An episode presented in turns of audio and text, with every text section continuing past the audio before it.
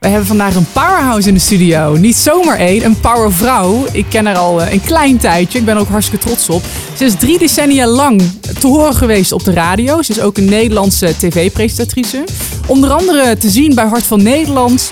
Maar elke ochtend staat er heel vroeg op, want ze is te luisteren bij Acton in de Morgen. Goedemorgen, we hebben vandaag Evelien de Bruin in de studio. Deze podcast is mede mogelijk gemaakt door zwanenhof.com en gezondheid.nl.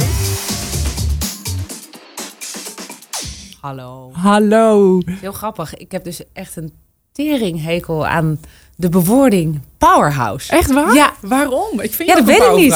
Ik heb, laatst heb ik een keer geprobeerd uit te leggen waarom ik dat vind. Maar misschien omdat ik mezelf niet zo zie. Dat zou ook wel kunnen. Want Waarom ik zie mezelf gewoon als een soort klein springerig vrouwtje.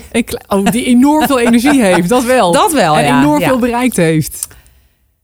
Ja, maar ik denk dat ik misschien nog niet klaar ben met dingen bereiken. Dus dat ik In de daar, proces. Ja, ja, dat, ik, dat ik daarom nog niet mezelf als een afgebouwd huis zie. Zeg Of maar. durf je misschien geen complimenten aan te nemen? Daar ben ik ook niet zo goed in. Nee? Nee. Oké, dan ga ik nog even door. Hebben we nog een lijstje? Ja. je hebt heel veel eh, successen te, gehaald. Ja, ik ga toch eventjes door op je successen Ja. hoor. Want je hebt wat bereikt. Eh, het is niet niks om 30 jaar lang in de tv- en radiowereld eh, te bevinden. Hè? En Ja. je hebt, eh, zo zie je maar, weer, je zit hier nog steeds. In de ochtend Ja. luister ik af en toe naar jou. Maar hoe is het eigenlijk om succes te kennen voor zo lang... en misschien nog wel met twee benen op de grond te blijven staan? Nou, ik zie vooral heel veel dankbaarheid dat ik dit werk mag doen. Ik neem het ook niet altijd even serieus. Ik probeer er juist heel veel plezier uit eh, te halen. En eh, ik denk maar soms echt bij mezelf letterlijk van... ja, waar zit ik me nou druk om te maken? Ik, ik ben hier om mensen een beetje plezier te geven. En ik ben gewoon alleen maar lucht aan het verplaatsen. Dat is mijn werk. Lucht aan het verplaatsen, Ja. kan je het ook zien. Ja, dat is mijn werk. Nou, en daarmee zet, ik het dus niet gelijk met succesvol zijn of, of iets dergelijks. Ik merk wel af en toe dat mensen dankbaar zijn. Vooral onze luisteraars van Ekdom in de Morgen. Eh, ik heb midden in die coronaperiode daar natuurlijk ook elke dag gezeten. En zeker toen die periode een beetje afliep, hebben we echt veel berichten gekregen van mensen die zeggen: We zijn jullie onwijs dankbaar voor jullie vrolijkheid en voor jullie stabiliteit die jullie hebben gegeven ten tijde van die coronaperiode. Want het was allemaal saai en het was allemaal kut. Maar we hadden gelukkig jullie nog. Ja. En dat vind ik eh, heel eervol. Ja. Maar dat zie ik niet per se als dat ik succesvol ben. Ja, nou, als ik jou beluister op de radio of als ik jou zie zitten daar, dan denk ik, oh, ze is helemaal zichzelf. Ze is helemaal in Ja. haar element. Ze hoeft er eigenlijk vrij weinig aan te doen. Dat komt natuurlijk ook door je ervaring. Maar ben je gewoon eigenlijk altijd jezelf geweest al vanaf het begin? Of was het een heel proces om Nee, ik heb, dat, ik heb dat wel moeten leren. Want als je voor het eerst op de radio komt... en dat is inmiddels 30 jaar geleden... en toen was ik echt gewoon nog maar een baby... ja, dan heb je eigenlijk... tenminste, ik had in ieder geval geen idee. Het grappige was dat ik achter de schermen werkte... en meehielp met het voorbereiden van programma's. Maar toen ik op een gegeven moment... eh, op de radio gezet werd in de nacht om een programma te maken, had ik geen idee dat je ook maar iets moest voorbereiden. Dus ik ging daar zitten en ik zat daar echt te kakelen als een kip zonder kop. Eh, met eh, live opzender halve paniek aanvallen omdat er technisch dingen niet lukten. En ja, Misschien wel wat dan ik nu aan ben je, ben. nou, je hebt een hoop hulp met eh, veel mensen om je heen. Maar eh, nee, ja, ik, eh, ik dacht gewoon bij mezelf van... ik ga zitten en ik doe dat wel even. Dat is niet zo. Ik denk het laten klinken alsof ik ga zitten en ik het wel even doe... wel gewoon door ervaring komt. En het allerbelangrijkste is inderdaad is een soort focus... waardoor je verhalen over jezelf kan vertellen... en je onvolkomenheden kan delen met eh, luisteraars. Eh, waardoor ik inderdaad wel de, overkom, maar ook wel mezelf ben, denk ik. Ja. Door je persoonlijke Ja. verhaal te delen. ja. Ja. Kijk, ik maak gewoon best wel gekke dingen mee. En die roep ik dan op zender. En dat vinden mensen heel grappig. Ja. En, nou ja dat, dat is, dat, ja, dat is gewoon heel leuk. En uiteindelijk merk je ook wel, weet je wel, van dat is iets wat mensen leuk vinden. Dus dan ga je wel ook dat je weet van, oké, dit is mijn, dit is een beetje mijn, hetgene wat ik aan mijn kont heb hangen. Ik, heb, ik ben een beetje onhandig, omdat ik inderdaad heel veel energie heb, twintig dingen tegelijk doe. En dan bijvoorbeeld een vakantieboek Eh, en er dan achter komt dat ik niet op zaterdag vertrek, maar op vrijdag. Oh ja, leuk. Uh, nou ja, dat soort dingen. En dan echt, maar dat gebeurt dan tijdens de uitzending. Zit ik ineens in het draaiboek te kijken en dan denk ik, hè, maar dat is, dat is dezelfde. Uh, dat is de datum, dat is de datum van morgen. Huh? Hoe kan dat? Nou ja, en Oh, dat dan raak je ik helemaal in war. En dan hop, dan gooi ik dat. Ik zeg, jongens, ik kom erachter dat ik dat ik morgen al op vakantie ga en we gaan met vier mensen en er zijn nog allemaal mensen die moeten werken en die moeten nu allemaal hoe moet ik ze dat gaan vertellen? Nou, en dat gaat dan inderdaad op zender. maar dat maakt dus inderdaad dat ik aan mijn kont heb hangen dat ik ongeorganiseerd en eh, Maar wel heel echt ongestructureerd ben, maar ehm, dat ben ik eigenlijk helemaal niet. Maar hoe, wij zijn dat volgens mij allemaal, toch? Maar jij laat ook zien, dat vind ik zo mooi in jou. Je, je laat gewoon de echte jij zien. En misschien dat heel veel mensen zich wel gewoon in jou kunnen verplaatsen. Ja, dat hoop ik dan maar. Dat daar ook misschien Ja. een stukje succes uitkomt. Ja, ik vind het in ieder geval heel grappig zelf. Privé-anekdotes. We gaan in Oeh. ieder geval beginnen even... ehm, we gaan even terugkijken naar je leven. We hebben, je hebt heel veel eh, succes gekend en nog steeds. Ja. Maar ook een aantal tegenslagen. Beginnen Ja. misschien met, eh, met je broertje. Je hebt je broertje verloren op een jonge leeftijd. Durf je er, wil je erover praten?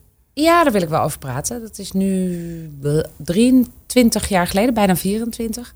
Ehm, Hoe oud was jij toen? ik was 24, Ja. mijn broer was 34. Oké. En die had een paar weken eh, last van hele heftige hoofdpijnen. Dat heeft hij ook allemaal laten onderzoeken. En eigenlijk konden ze niks vinden. Hij heeft een MRI-scan gehad en een CT-scan. En nou ja, ze konden eigenlijk niet verklaren waar het vandaan kwam. En die eh, hoofdpijnen gingen ook weer weg. En op een eh, zondagavond werd ik gebeld door zijn nacht. Door zijn eh, vriendinnetje. En die zei, je moet nu komen, want Roel ligt in het ziekenhuis. Hij heeft weer die hoofdpijn gehad.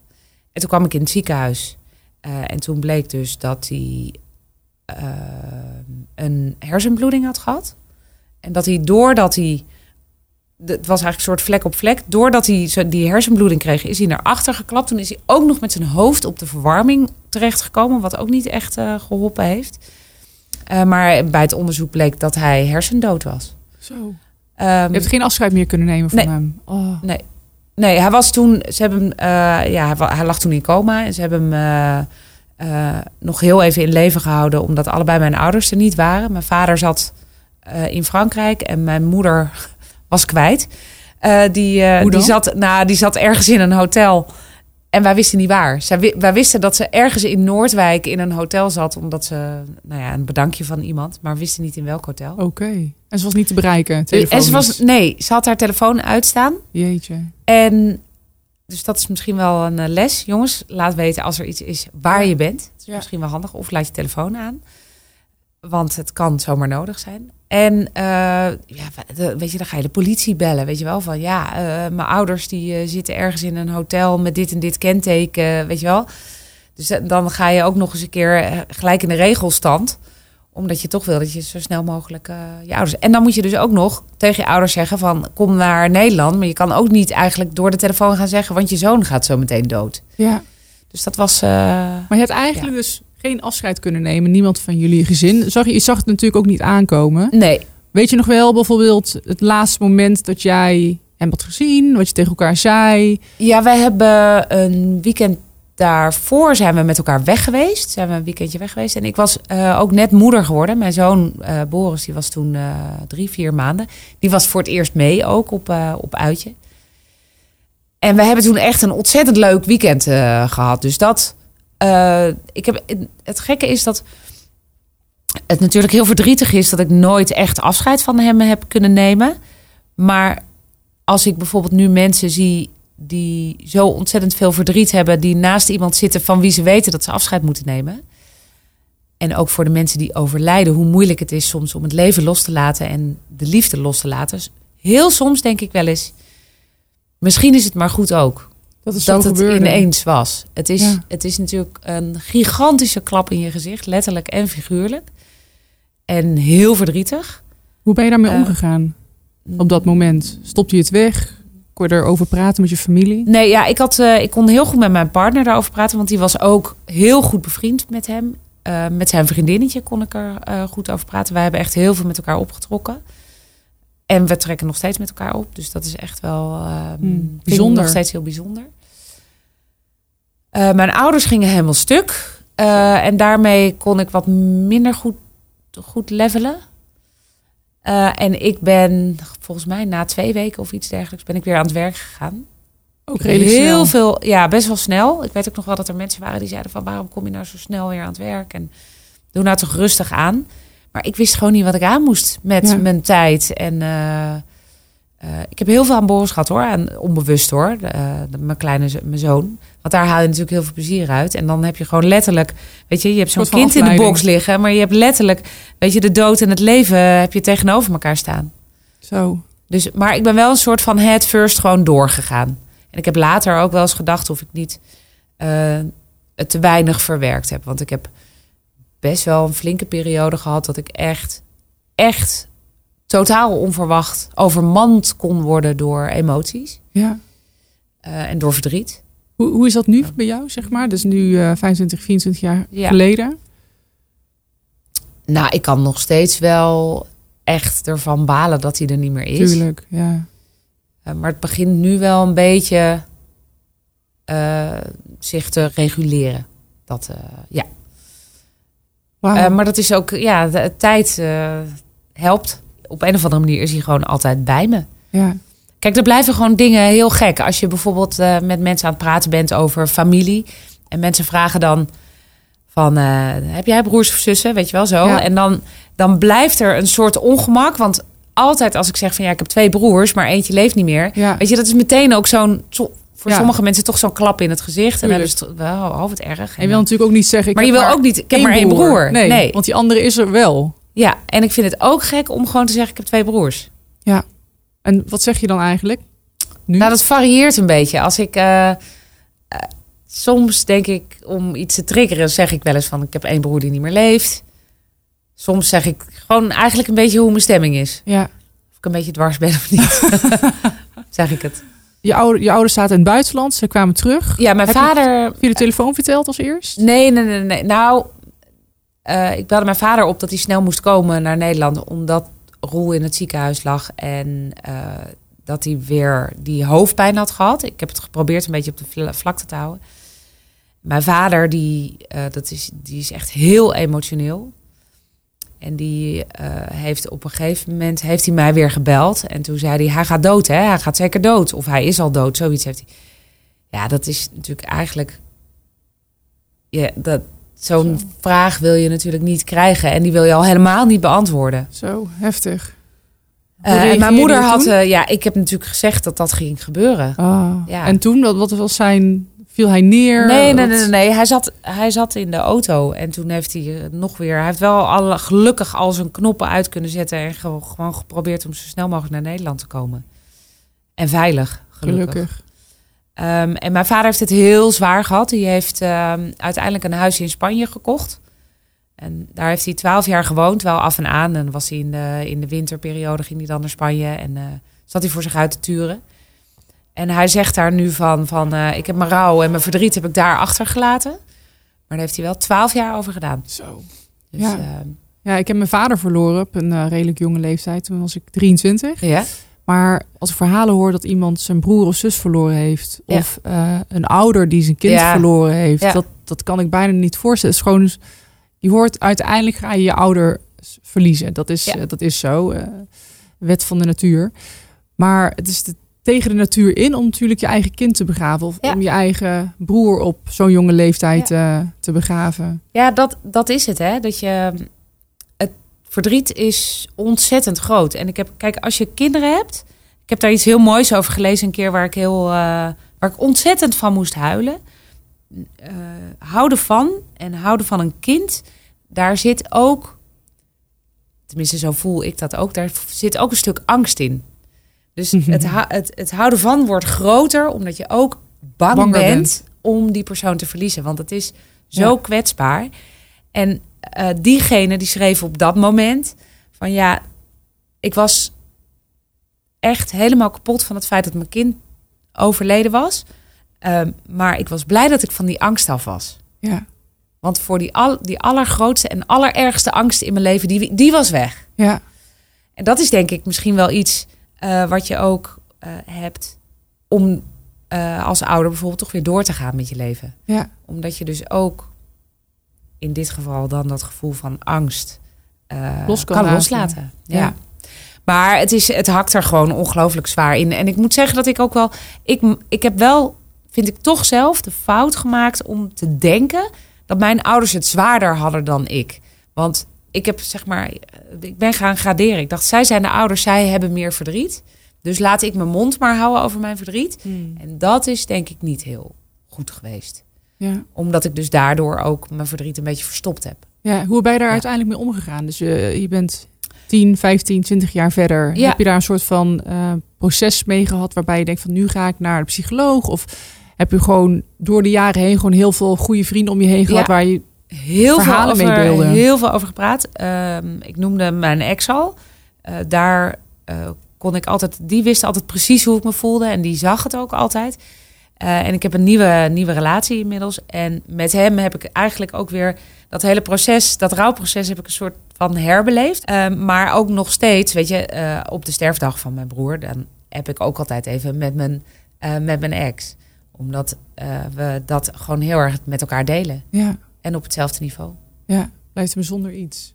Ja, rouw is eh, eh, hard, Ja, maar ook mooi soms. ja. Het zegt ook wel iets hoeveel je van iemand hebt gehouden. Hoe groter het rouwproces, hoe dieper de liefde misschien Ja. was.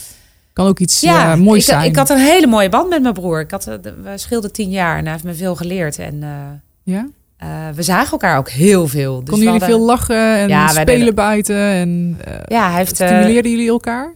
Ja, hij, nee, hij was natuurlijk tien jaar ouder, dus ik keek sowieso al heel erg naar hem op. En wij hadden ook allebei, ehm vonden het heel erg leuk om met eh eh chevaux, met eenden, auto's te rijden. Dus wij gingen ook samen naar meetings. En Oh, een hele grote, ja, vandaar die eend. Die heb je nog steeds. Die heb ik nog steeds, Oh, ja. bijzonder. Ja, die eend is wel een beetje een blok aan mijn been nog steeds, hoor. Omdat ik dus eigenlijk heel graag in die eend wil rijden. Maar het begint zo langzamerhand echt wel een beetje link te worden. Het is gewoon Dus heel oud. Hoe oud is die auto? Hij is even oud als ik. 9, eh, 48. Wauw. Maar het is gewoon natuurlijk toch best een beetje een onveilig autootje. Ja, maar wel heel veel emotionele waarde. Er zit heel veel emotionele waarde. Maar daar heb je dus samen met je broer ook heel vaak in gereden. Ja.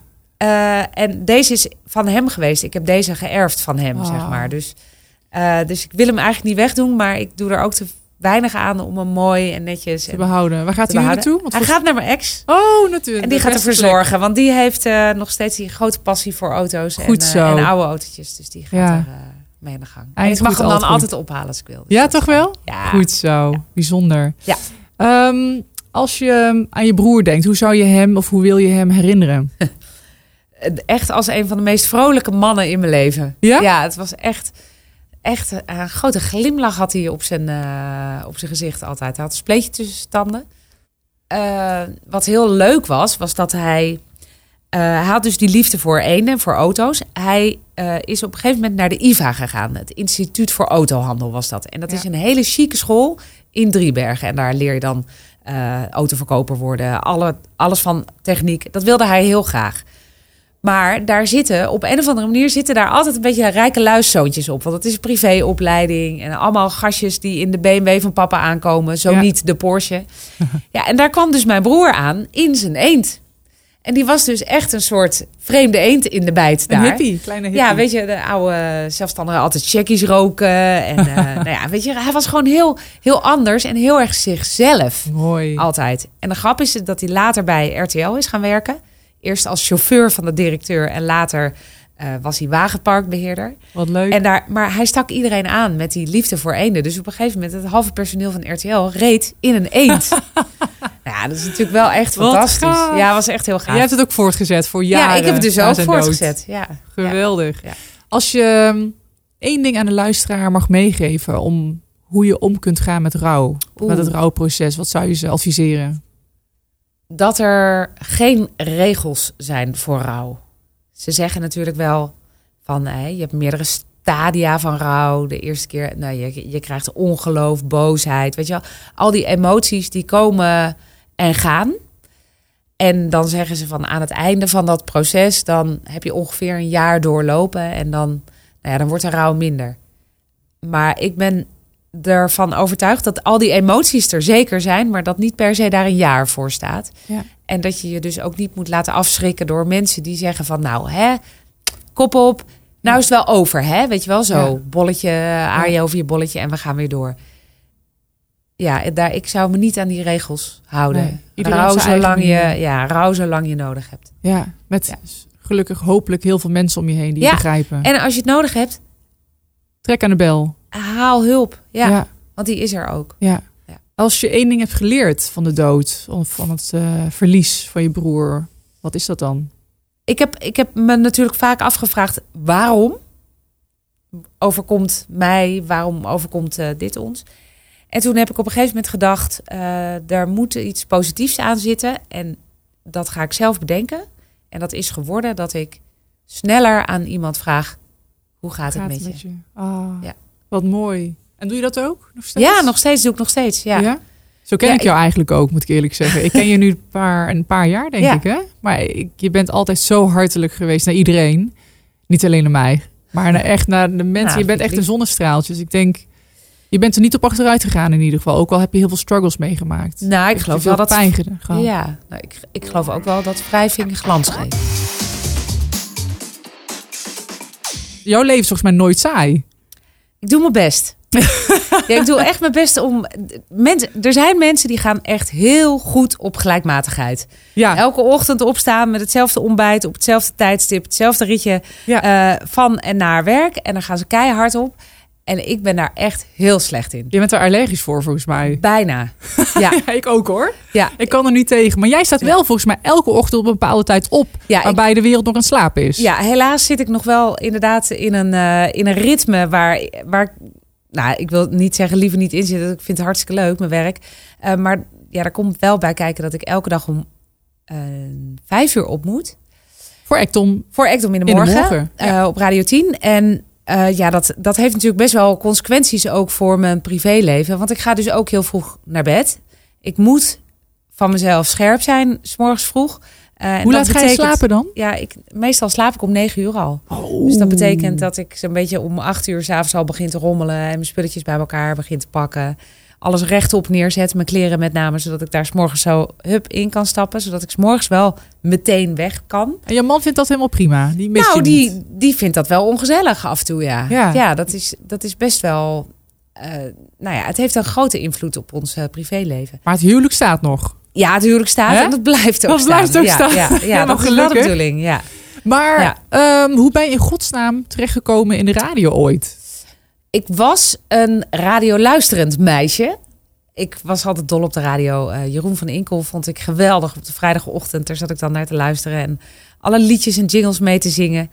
Hopelijk zoals mensen nu naar, naar ons luisteren. We hebben ook nog steeds veel jingles en liedjes. En dat mensen soms dan hoor ik inderdaad van ja, een hele goede morgen. Dat mensen dat meezingen, meezingen in de, in de auto. Dus dat, dat is wel, wel mooi dat dat zich herhaalt.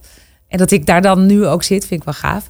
Eh, maar ja, ik, ik was dus echt dol op radio en dol op muziek. Ik zat ook eh cassettebandjes op te nemen van de radio en zo. En op een gegeven moment eh, was ik 18, 19. Ik was even na mijn HAVO naar Spanje geweest om te leren. En toen moest ik gaan werken. Want Ja. ik kon niet halverwege een studiejaar ergens iets gaan doen. Dus toen kwam ik bij het arbeidsbureau. En daar zat ik eh, groot en overmoedig te zijn. Een enorm powerhouse te spelen. Eh, dat ik heus geen baantje wilde tussen 9 en 5. En toen zei die vrouw, maar zou je niet tussen 5 en 9 willen werken dan? Dus ik, eh, hoezo? Ja, bij de radio. En toen dacht ik, hé, hey, dat klinkt leuk. En toen mocht ik solliciteren bij Janne Kooijmans en Peter van Brugge. Die jij niet Zo. kent, omdat jij ver voor jouw tijd, zeg maar. Eh, en eh, toen mocht ik daar Buma-lijsten tikken, telefoontjes aannemen en helpen met eh, voorbereiden. Maar echt En achter de schermen achter de schermen, ja. Geweldig. En Ja. wanneer trad je dan zeg maar voor de schermen? Nou, ik had een baas, Jan Steeman, die is het afgelopen jaar overleden. En die zag wel wat in mij. En die dacht, misschien kan zij wel wat gaan proberen in de nacht. En ze hadden toen een opleidingsprogramma, dat heette Pyjama FM. En daar mocht ik een programma gaan presenteren. Dat betekende dat je dan één keer in de week radio maakte. Twee uurtjes. En dan je reguliere werk daar gewoon naast bleef doen. En dat hield voor mij dan in dat ik bijvoorbeeld eh, tijdens Ever staat op... eh, dat zat toen nog bij de publieke omroep... gewoon op de bank ging liggen, daar lag te tukken... totdat het negen uur was op een gegeven moment. Geweldig. Eh, en ik aan het programma De Arbeidsvitamine achter de schermen kon gaan werken. Uiteindelijk ben ik bij 3FM, waar ik toen werkte, weggegaan. En eh, toen ben ik uiteindelijk via een omweg bij de regi- regionale omroep terechtgekomen. En daar heb ik echt alles geleerd eh, wat ik nu kan. Een beetje talent, gedrevenheid. gedrevenheid. Er Ja. heeft ooit een keer iemand tegen mij gezegd, zou ik nooit vergeten. Paul Boots. Als je die luistert. zei tegen mij, als je luistert, die zei tegen mij: Je bent echt een plaatje op beeld, maar autocue lezen, dat ga je nooit leren. Oeh, drijfveer hè? Bam! Oeh, En toen dacht ik: niet. Wat verdomme, natuurlijk kan ik dat wel. Nou Ja, ja, goed eh, zo. Ja, Ja, gedrevenheid. ja. Ja, maar dat was voor mij hetzelfde hoor. Denk ik, als ik terugkijk naar mijn basketbalcarrière, dan denk ik, ik in het begin was het natuurlijk alleen maar passie en dromen. En Ja. ooit ga ik naar Amerika, dat ga ik redden. En eh, tot twaalf uur s'nachts en de lichten gingen uit, deze expres uit, om te zeggen, je moet nu de zaal uit, weet je. En dan nog door basketballen in het donker, weet je, maar door blijven trainen. Eh, ja, weet je, de uren die je maakt, die tel je nog amper, omdat het gewoon geweldig is en leuk is om te doen. Ja. Eh, en op een gegeven moment kom je op een bepaald niveau waarbij er natuurlijk ook heel veel geld bij komt kijken. En er komt een bepaalde druk bij kijken. En ik weet nog wel een bepaald moment in mijn carrière, dat was misschien één of twee jaar, dat ik dacht, maar nu speel ik alleen maar omdat ik moet presteren en niet Ja. meer omdat ik het spelletje zo leuk vind. Toen heb ik die, die passie en die drijfveer van wat, wat dreef mij nou eigenlijk om naar dat niveau te komen, probeer ik bij mezelf terug te krijgen van ik ga nu alleen maar op het veld staan puur omdat ik het spelletje nog steeds zo leuk Ja. vind. En omdat ik met dat gevoel weer begon te spelen, merkte ik bij mezelf, Ja. holy shit, Dit is het weer. dit is het weer. En ik begon uitermate goed te spelen. Dus het, het heeft alles te maken met voel je hart, voel je passie. Ga er achterna en doe alles alleen maar met je hart. En eh, weet je wel, succes komt daarna wel als je je hart volgt. Ja. Ja, geloof ik 100%. Ja. We gaan even naar je privéleven kijken. Ik ben eh, heel benieuwd eigenlijk eh, hoe jij daarin stond. Je hebt een nieuw huwelijk met Lieve Paul, toch? Ja. Je hebt hem volgens mij in de radiosfeer ergens eh ja, hij is mijn baas geweest. Oeh, wauw. Ja, Hoe was dat dan voor je medewerkers? ehm, nou, het was. voor jou misschien? Eh, ik, ik heb hem leren kennen toen ik dat eerste baantje bij 3FM had. Toen was hij de baas en eh, hij was ook de grote sterke baas. Eh, met altijd twintig keer een grotere bek dan ik. Ja. Eh, en ik keek dus tegen hem op en hij dacht... ach, wat een leuk schattig meisje dat hier bij de radio rondhuppelt. Dat, Hoe oud was je toen? eh, 18, 19. Oké. Dus wij zagen elkaar echt totaal niet, echt niet staan. Mhm. Eh, later is hij naar RTV Utrecht gegaan. Daar is hij directeur geworden. En daar ben ik toevallig ook terechtgekomen. Op de plek waar ik net van zei, daar heb ik echt alles geleerd. De basis geleerd. Ook toen zagen we elkaar nog niet staan. Ehm, totdat het moment kwam dat zijn vrouw overleden is. Eh, en ik een paar maanden daarna dacht... ik ga eens vragen hoe het met hem gaat. Want Ja. dat was een belofte die ik mezelf had gemaakt. Dus ik dacht, ik ga aan Paul vragen, hoe gaat het met je? En toen zei hij, dat ga ik je vertellen bij een etentje. Dus toen zijn we uit eten gegaan. Ik werkte inmiddels, dat moet ik er wel even bij zeggen voor de duidelijkheid... niet meer bij RTV Utrecht toen Mhm. in vaste dienst. Maar ik had een, eh, een, een los contract alleen voor één radioprogramma nog. Ja, maar toen hij dat Dus- vroeg, zag je dat meteen als date? Of Nee, je van, helemaal niet. Oh, leuk gezellig. Nee, gewoon gezellig. Oké, en hij ook. En hij ook. Alleen toen verdween de wereld om ons heen. En, en zelfs toen, toen keken we elkaar aan en toen zeiden we: Wacht even, dit is echt wrong time, wrong place. Helemaal echt niet goed. Ja. Dus eh, toen hebben we elkaar gedag gezegd. En eh, nou, af en toe een beetje via de app contact en verder eigenlijk ook niet.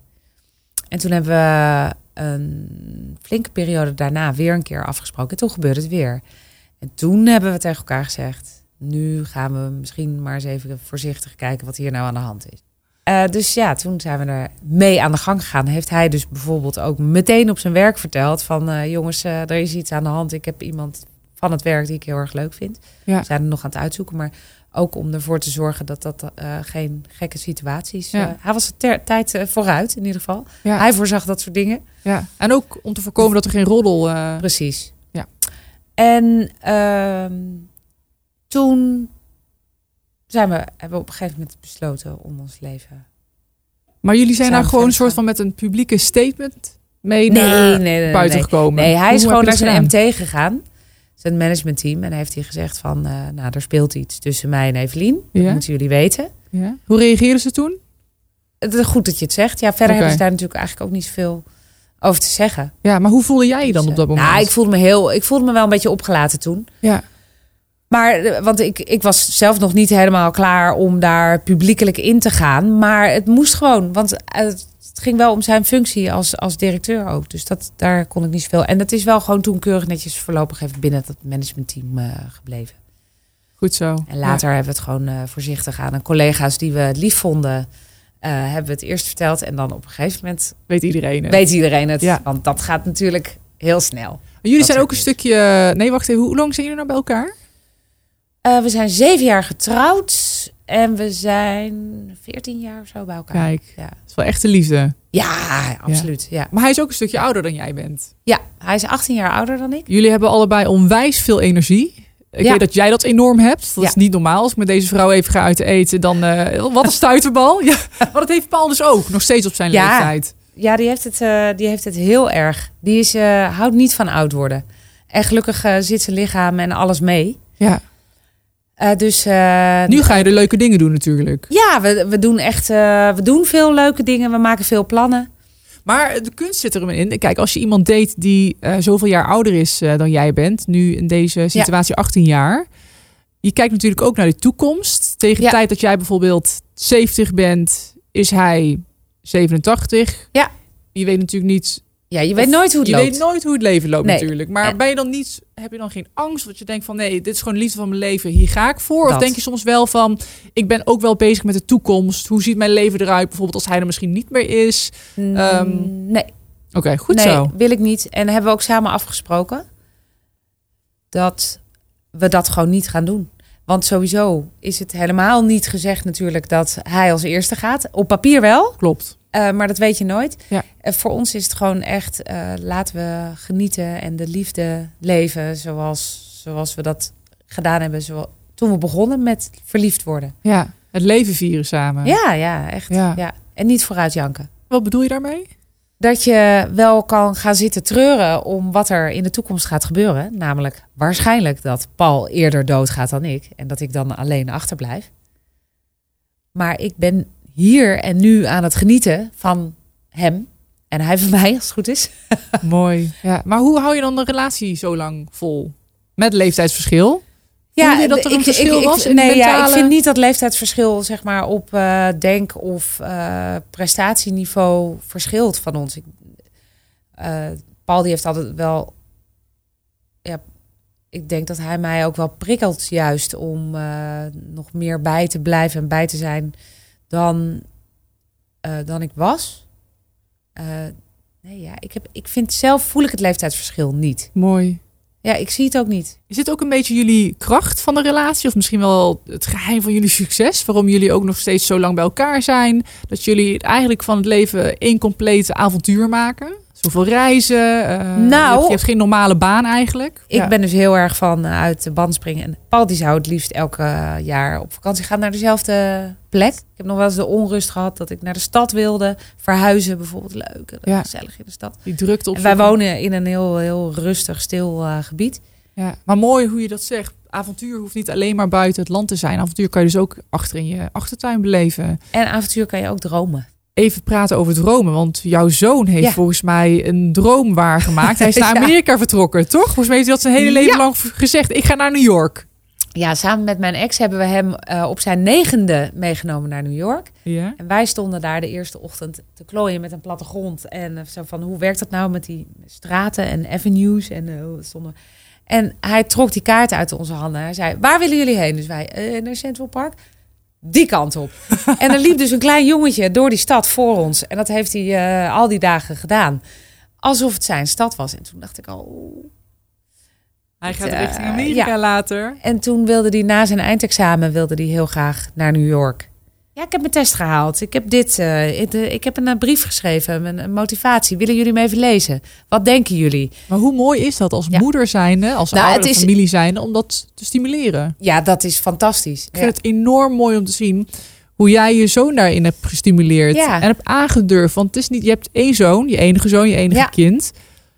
En in één keer zit je daar met Paul thuis. Ja, maar hij was al het huis uit, hè? dus dat scheelde. Oké, okay, dat scheelde. Want hij had zijn, uh, zijn universiteit had hij ook had hij intern gedaan. Dus daar moest hij verplicht uh, op kamers daar. Dus hij was ja. het huis al uit.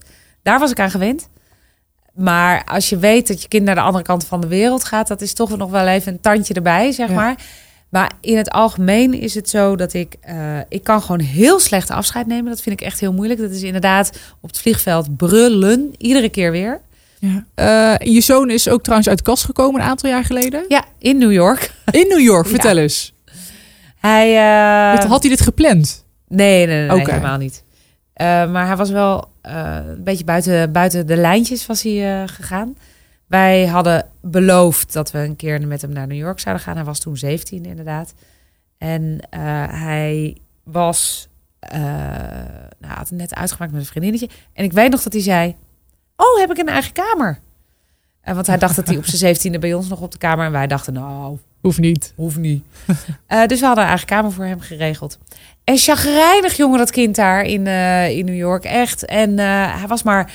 Ja, hij was gewoon eigenlijk dat wij dachten... voor iemand die wij al die jaren hebben beloofd dat we naar New York gaan... mag je best wel wat meer huppelen. Ja.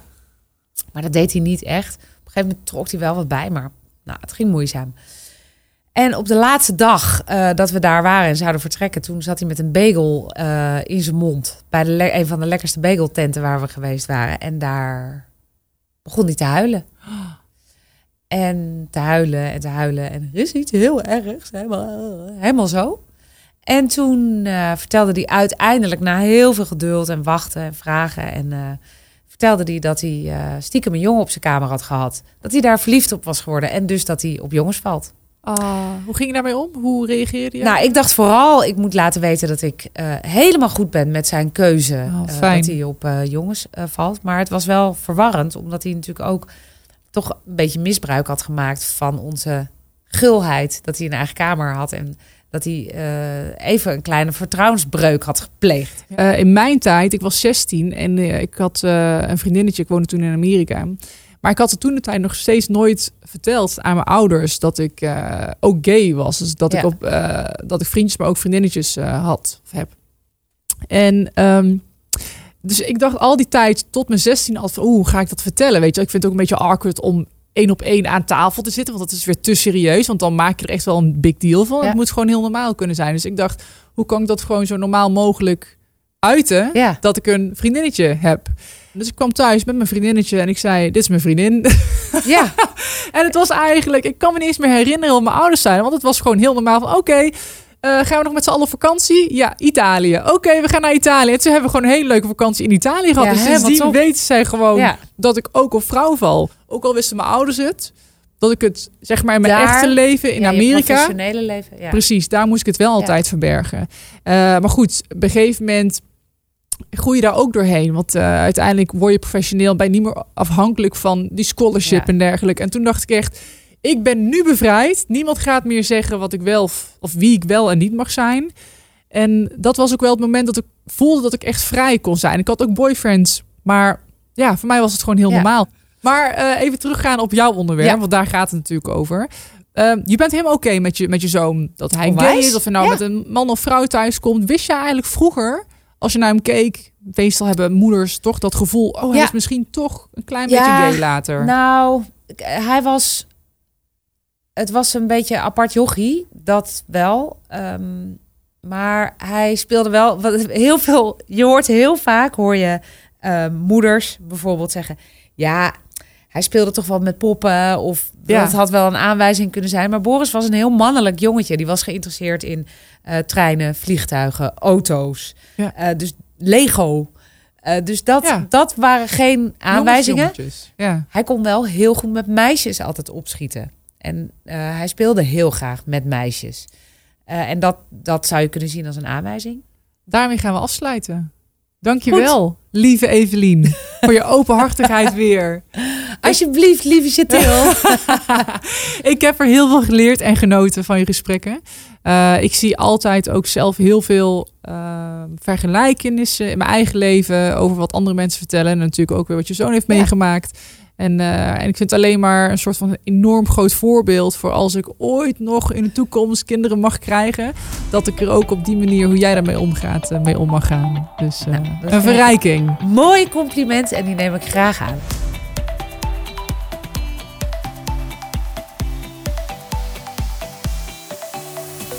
Deze podcast wordt mede mogelijk gemaakt door gezondheid.nl.